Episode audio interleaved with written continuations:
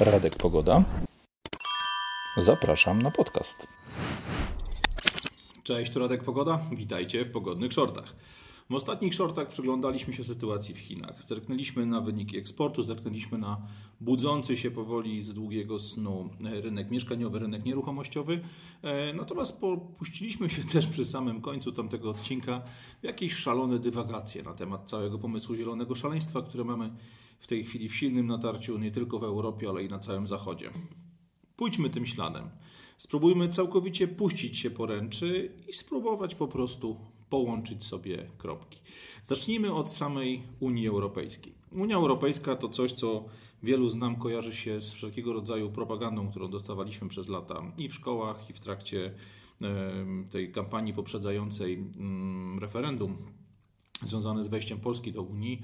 Tu oczywiście pojawiały się te piękne, wielkie hasła, że została powołana, aby zapobiec wojnie w Europie, została powołana, aby zapewnić swobodę przepływu trzech e, wartości wielkich, czyli tam ludzi, kapitału i tak dalej, i tak.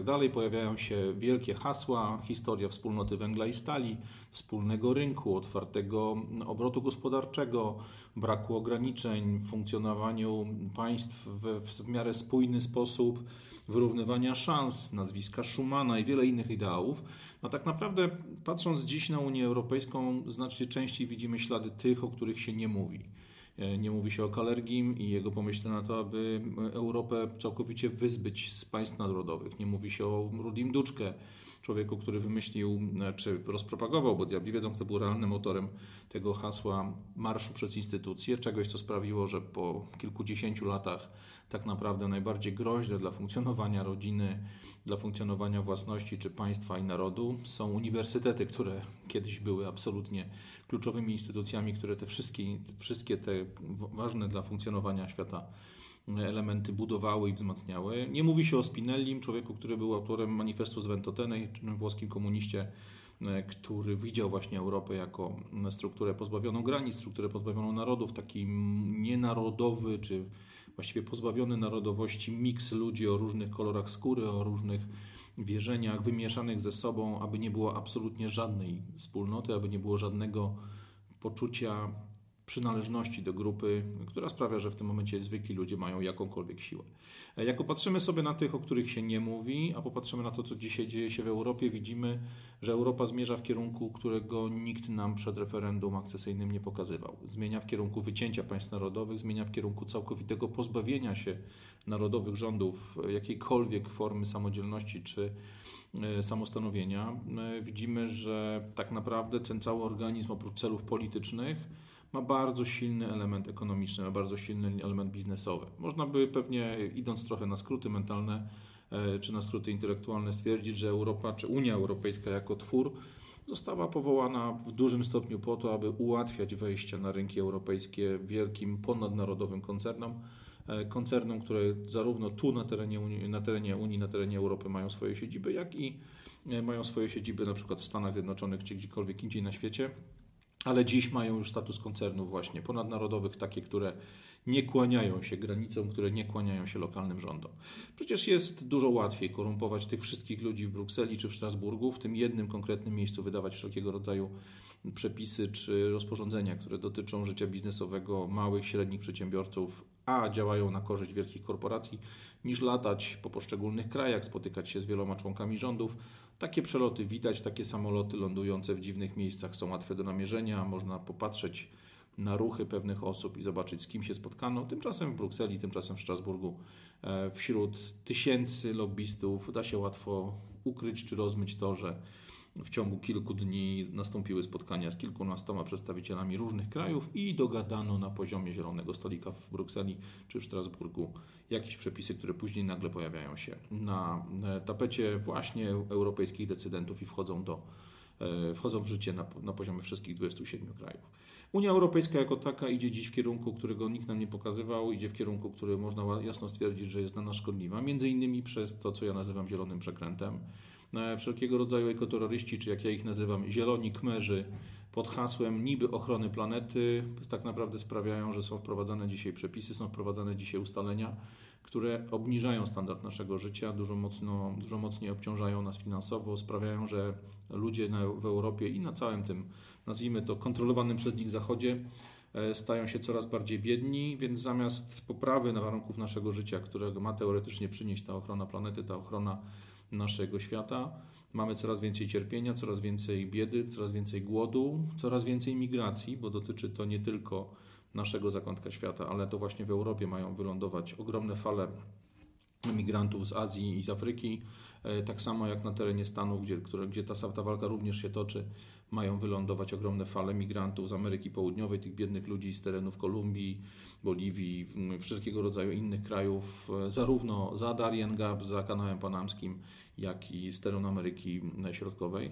E, generalnie rzecz biorąc, wszystko to, co dzieje się pod hasłami ochrony planety, tak naprawdę kończy się na tym, że wielkie korporacje przejmują majątek z rąk klasy średniej, część biznesów jest zażynana całkowicie, część z nich upada pod ciężarem kosztów, pod ciężarem właśnie cen energii, cen wywozu śmieci i tych wszystkich elementów narzucanych nam przez zielonych przekręciarzy. E, oprócz tego mamy oczywiście wycielenie europejskiego rolnictwa. Najmocniej widzieliśmy to ostatnio na, przykładzie polskiej piątki dla zwierząt i holenderskich mm, przepychanek rolników z rządem. Po co się to robi? No między innymi po to, aby tereny, które dzisiaj wykorzystują rolnicy z tej powiedzmy niskiej i średniej półki, czyli mali i średni znowu, aby te tereny dało się za bezcen przejąć od upadłych rolników na korzyść funduszy inwestycyjnych na korzyść funduszy asset management, aby udostępnić te tereny dla wielkich korporacji rolniczych, albo po prostu, aby te tereny faktycznie, tak jak się to mówi w tej całej zielonej propagandzie, obsiać jakąś trawą czy innym orzechem, który będzie fantastycznym terenem do bytowania dla owadów, ptaków czy innych, powiedzmy, nie wiem, roślin czy jakichkolwiek innych organizmów, które jakoś tam ten nasz środowiskowy, to nasze środowisko wzbogacą. Natomiast całą żywność dla ludzi, którzy jeszcze w Europie zostaną, sprowadzać właśnie z innych miejsc na świecie. Sprowadzać z amerykańskich farm należących do megakorporacji w formie soi, kukurydzy czy innych genetycznie modyfikowanych elementów, sprowadzać z terenu Ameryki Południowej w ramach umowy Mercosur i tak dalej, i tak dalej. O wielu z tych elementach już mówiliśmy, więc nie będę się tu wbijał za mocno. E, jak na to patrzeć z punktu widzenia no, takiej prostej kalkulacji przyczynowo-skutkowej, prostego, prostego śledzenia pewnego rodzaju ruchów? Wielu ludzi wieszczy w tym przyszły upadek Unii Europejskiej. Wielu dziennikarzy, wielu komentatorów, nawet tu na YouTubie mówi o tym, że przecież przez te wszystkie obciążenia Unia upadnie. Czy tak jednak będzie? E, kto upadnie wcześniej? Zadajmy sobie takie pytanie. Mój dziadek uczył mnie kiedyś takiego starego powiedzonka, które nie jest specjalnie ładne, ale myślę, że dobrze pasuje do tej konkretnej sytuacji. I powiedzonko to brzmiało: Zanim gruby schudnie, to chudy zdechnie. Nie jest ładne, jak już Was ostrzegałem, ale dość dobrze oddaje właśnie ten case.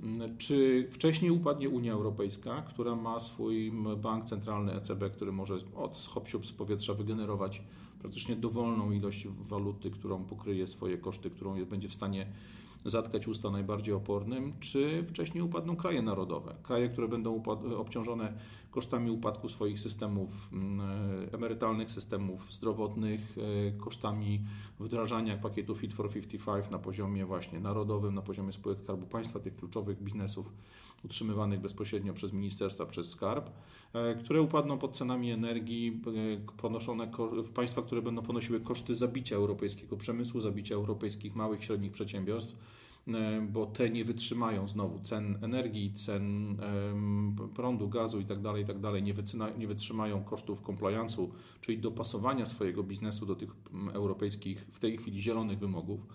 E, państwa będą obciążone kosztami masowego bezrobocia, no bo nie czarujmy się, to właśnie małe i średnie firmy zatrudniają ogromną większość ludzi, którzy są czynni w gospodarce e, i to te państwa też płacą wszelkie praktycznie pieniądze, które wpadają do systemów emerytalnych, które wpadają do systemów podatkowych utrzymujących policję, wojsko, szkoły, drogi itd. Tak no bo wielkie korporacje ponadnarodowe mają najczęściej centrale w rajach podatkowych i to nie tylko na Kajmanach czy na Bahamach, ale również w Irlandii czy w Holandii, gdzie te podatki dla korporacji są super atrakcyjne, tam uciekają pieniądze, a na miejscu w poszczególnych krajach niewiele zostaje. Prawda jest taka, że pozbawiając Europę przemysłu w imię tych zielonych haseł, skazujemy ją nie tylko na biedę, no bo bez produkowania namacalnych, realnych dóbr nie ma budowania prawdziwego bogactwa. Wiemy sami, że owszem, na usługach finansowych czy usługach w ogóle da się zarabiać pieniądze, ale tylko wtedy, kiedy jest ktoś, kto te usługi kupuje, kto z tych e, usług finansowych czy usług różnego rodzaju korzysta. Natomiast prawdziwe bogactwo, prawdziwa wartość pojawia się tylko wtedy, kiedy tworzone są realne dobra. Kiedy bierze się surowiec i wytwarza z niego coś, co jest półproduktem, a z tego półproduktu, czy z wielu różnych półproduktów, ten produkt końcowy Wartość generuje się przetwarzając, wartość generuje się budując coś z niczego. E, jeżeli zamkniemy czy skażemy Europę na, na biedę przez pozbawienie jej przemysłu, to nie tylko właśnie mm, jakby skazujemy ją na biedę, ale sprawiamy, że jest również skazana na import. A kto zastąpi produkty, które dotąd wytwarzane były w Europie? No oczywiście Chiny, a co jest istotne, w Chinach mamy nie tylko fabryki, czy nie tylko producentów funkcjonujących z doskonałej komitywie z chińskim rządem, ale najczęściej te fabryki są różnego rodzaju joint venture, wspólnymi spółkami chińskiego rządu, chińskich oficjeli, chińskiej partii, czy przedstawicieli chińskiej partii i zachodnich korporacji. Jaki będzie tego efekt? Efekt tej całej zielonej polityki, tego całego zielonego szaleństwa, ekoterrorystów, zielonych kmerów, jak ja to nazywam, ich działań, będzie to, że w Europie zostaną jeszcze bogatsze korporacje, które będą miały jeszcze większą siłę, jeszcze większy wpływ na naszą politykę i państwa widma. Bankruci, którzy będą oddani na łaskę światowej finansjery, na łaskę korporacji, na łaskę tego, czy postawią fabrykę w jakimś rejonie i oznacza to spokój na tym terenie, czy będą protesty, czy będą ludzie głodni, czy będą ludzie wychodzili na ulicę. Oczywiście do tego musimy dołożyć jeszcze, jeden, jeszcze jedną twarz tego zielonego porządku, tego zielonego szaleństwa, tego zielonego przekrętu, to o czym już mówiliśmy w poprzednim odcinku, czyli produkty eko tak zwane. Samochody z napędem bateryjnym, panele fotowoltaiczne, wszelkiego rodzaju baterie, wszelkiego rodzaju elektronika, to wszystko co będzie wykorzystywane do postawienia tego zielonego przekrętu, do dokończenia tych wszystkich szalonych zielonych planów, w większości produkowane jest na terenie Chin. Kto to produkuje? Zgadliście, wielkie korporacje we wspólnych przedsięwzięciach prowadzonych z Chinami. Jak nałożymy na to jeszcze wszystko naszą najpopularniejszą przez ostatnie kilka lat chorobę, no to możemy sobie jasno stwierdzić, gdzie zaczął się ten temat, gdzie zaczęła się ta kariera tej wielkiej choroby. Oczywiście w Chinach to stamtąd przyszły zdjęcia ludzi, którzy padali na ulicach, to tam nakręcana została panika, to tam pokazywano nam, czy stamtąd pokazywano nam nagrania pokazujące ludzi zaspawywanych w mieszkaniach, szpitale polowe budowane w jakimś rekordowym tempie, tysiące ludzi w białych kombinezonach, osoby wyprowadzane e, przez policję, czy przez właśnie ubranych białe kombinezony sanitariuszy do tych polowych szpitali, do tych modułowych szpitali. E, kto tę panikę rozniósł po świecie? Media. Media, które należą do wielkich korporacji, a te z kolei należą do funduszy asset management, które są właścicielami korporacji, które z kolei są właścicielami fabryk na terenie Chin, fabryk, które są znowu wspólnymi interesami chińskiego rządu i korporacji. E, co jest ważne, tą panikę po świecie oprócz mediów rozniosły też same korporacje, bo to one, a nie mały i średni biznes, wypchnęły do domu swoich pracowników. To one podsycały panikę, to one blokowały normalne życie, to one sprawiały, że wszyscy przez kilka miesięcy czy kilkanaście miesięcy w przypadku krajów innych niż Polska pracowaliśmy z domów. E, one blokowały nam normalne życie, one blokowały normalny handel, normalne funkcjonowanie zwykłego biznesu, ale i tu ciekawostka, żadna z nich nie upadła. Co więcej, wiele z nich osiągnęły rekordowe zyski, bo weszły w sektory, których nie mogły ze względu na ustalenia sanitarystów obsługiwać małe i średnie firmy, te firmy lokalne, te firmy rodzinne, te firmy, które na danym terenie funkcjonowały od setek czy dziesiątek lat. Co więcej, wiele z nich przez te rekordowe zyski, osiąg- te rekordowe zyski osiągnęła między innymi przez to, że sprzedawała nam, przywoziła do domów, przysyłała w formie e-commerce przez paczkomaty czy przez kurierów produkty produkowane w Chinach, w fabrykach należących do joint venture chińskiego rządu i wielkich korporacji. Przy okazji oczywiście te fabryki, te, przepraszam, te korporacje pozbyły się ogromnej liczby konkurentów z sektora tych małych i średnich przedsiębiorstw. Te firmy e, poupadały, te firmy zamieniły się w bankrutów. E, ludzie, którzy je prowadzili dziś są osobami skazanymi na wegetację, ludźmi, którzy funkcjonują gdzieś na krawędzi e, systemu finansowego, na jego łasce, niełasce albo wręcz poza nim, no bo są bankrutami, którzy nie mają żadnej zdolności.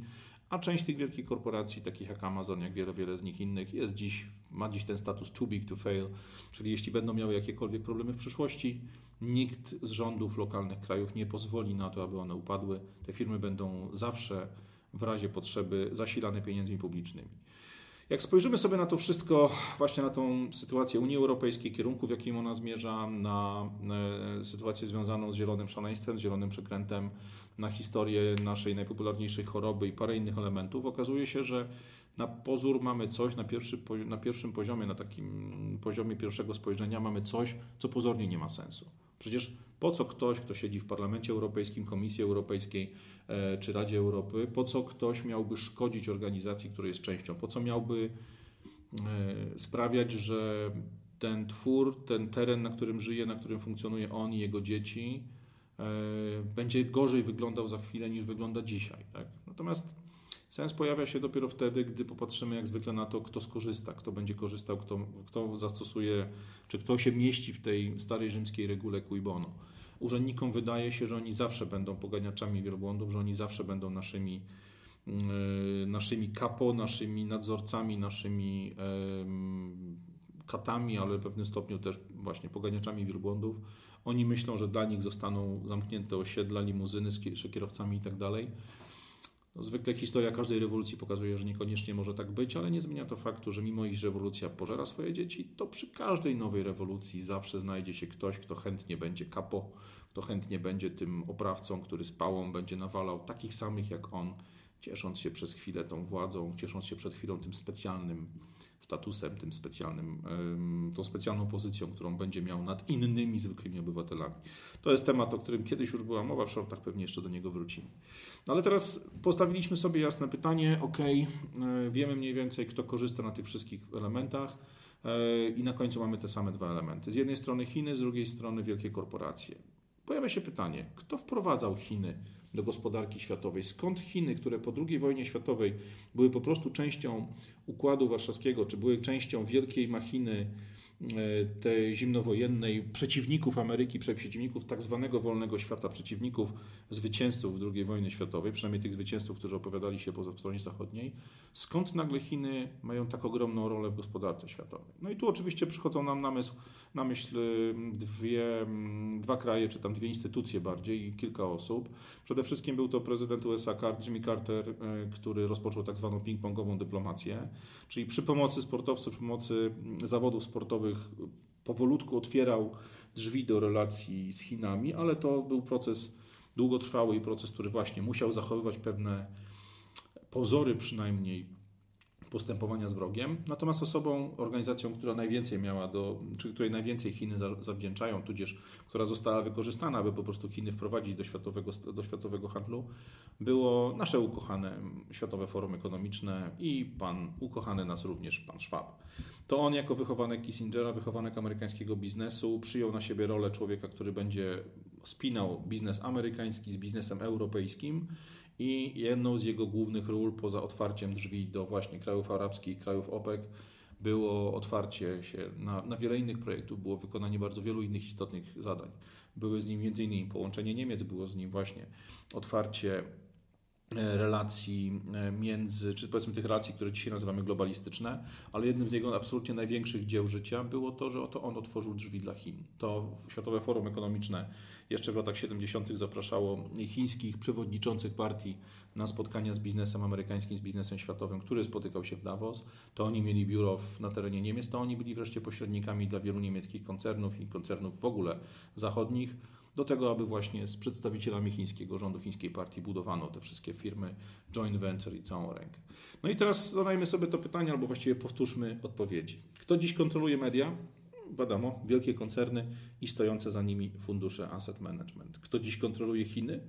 To mówi się oczywiście o tym, że chińska partia, natomiast y, jeśli popatrzymy na to, kto pośrednio kontroluje Chiny, to musimy zdać sobie sprawę, że co roku na rynek chiński, na chiński rynek pracy trafia około 15 milionów młodych Chińczyków, y, dla których są tylko dwa wyjścia. Albo dostaną pracę i będą w stanie się jakoś tam utrzymać, lepiej, gorzej, ale utrzymać się, zarobić na siebie i wtedy mamy spokój, bo ludzie ci skupiają się na budowaniu własnej przyszłości, na budowaniu własnego majątku i nie dymią, nie szumią, nie próbują sobie szukać dziury w całym.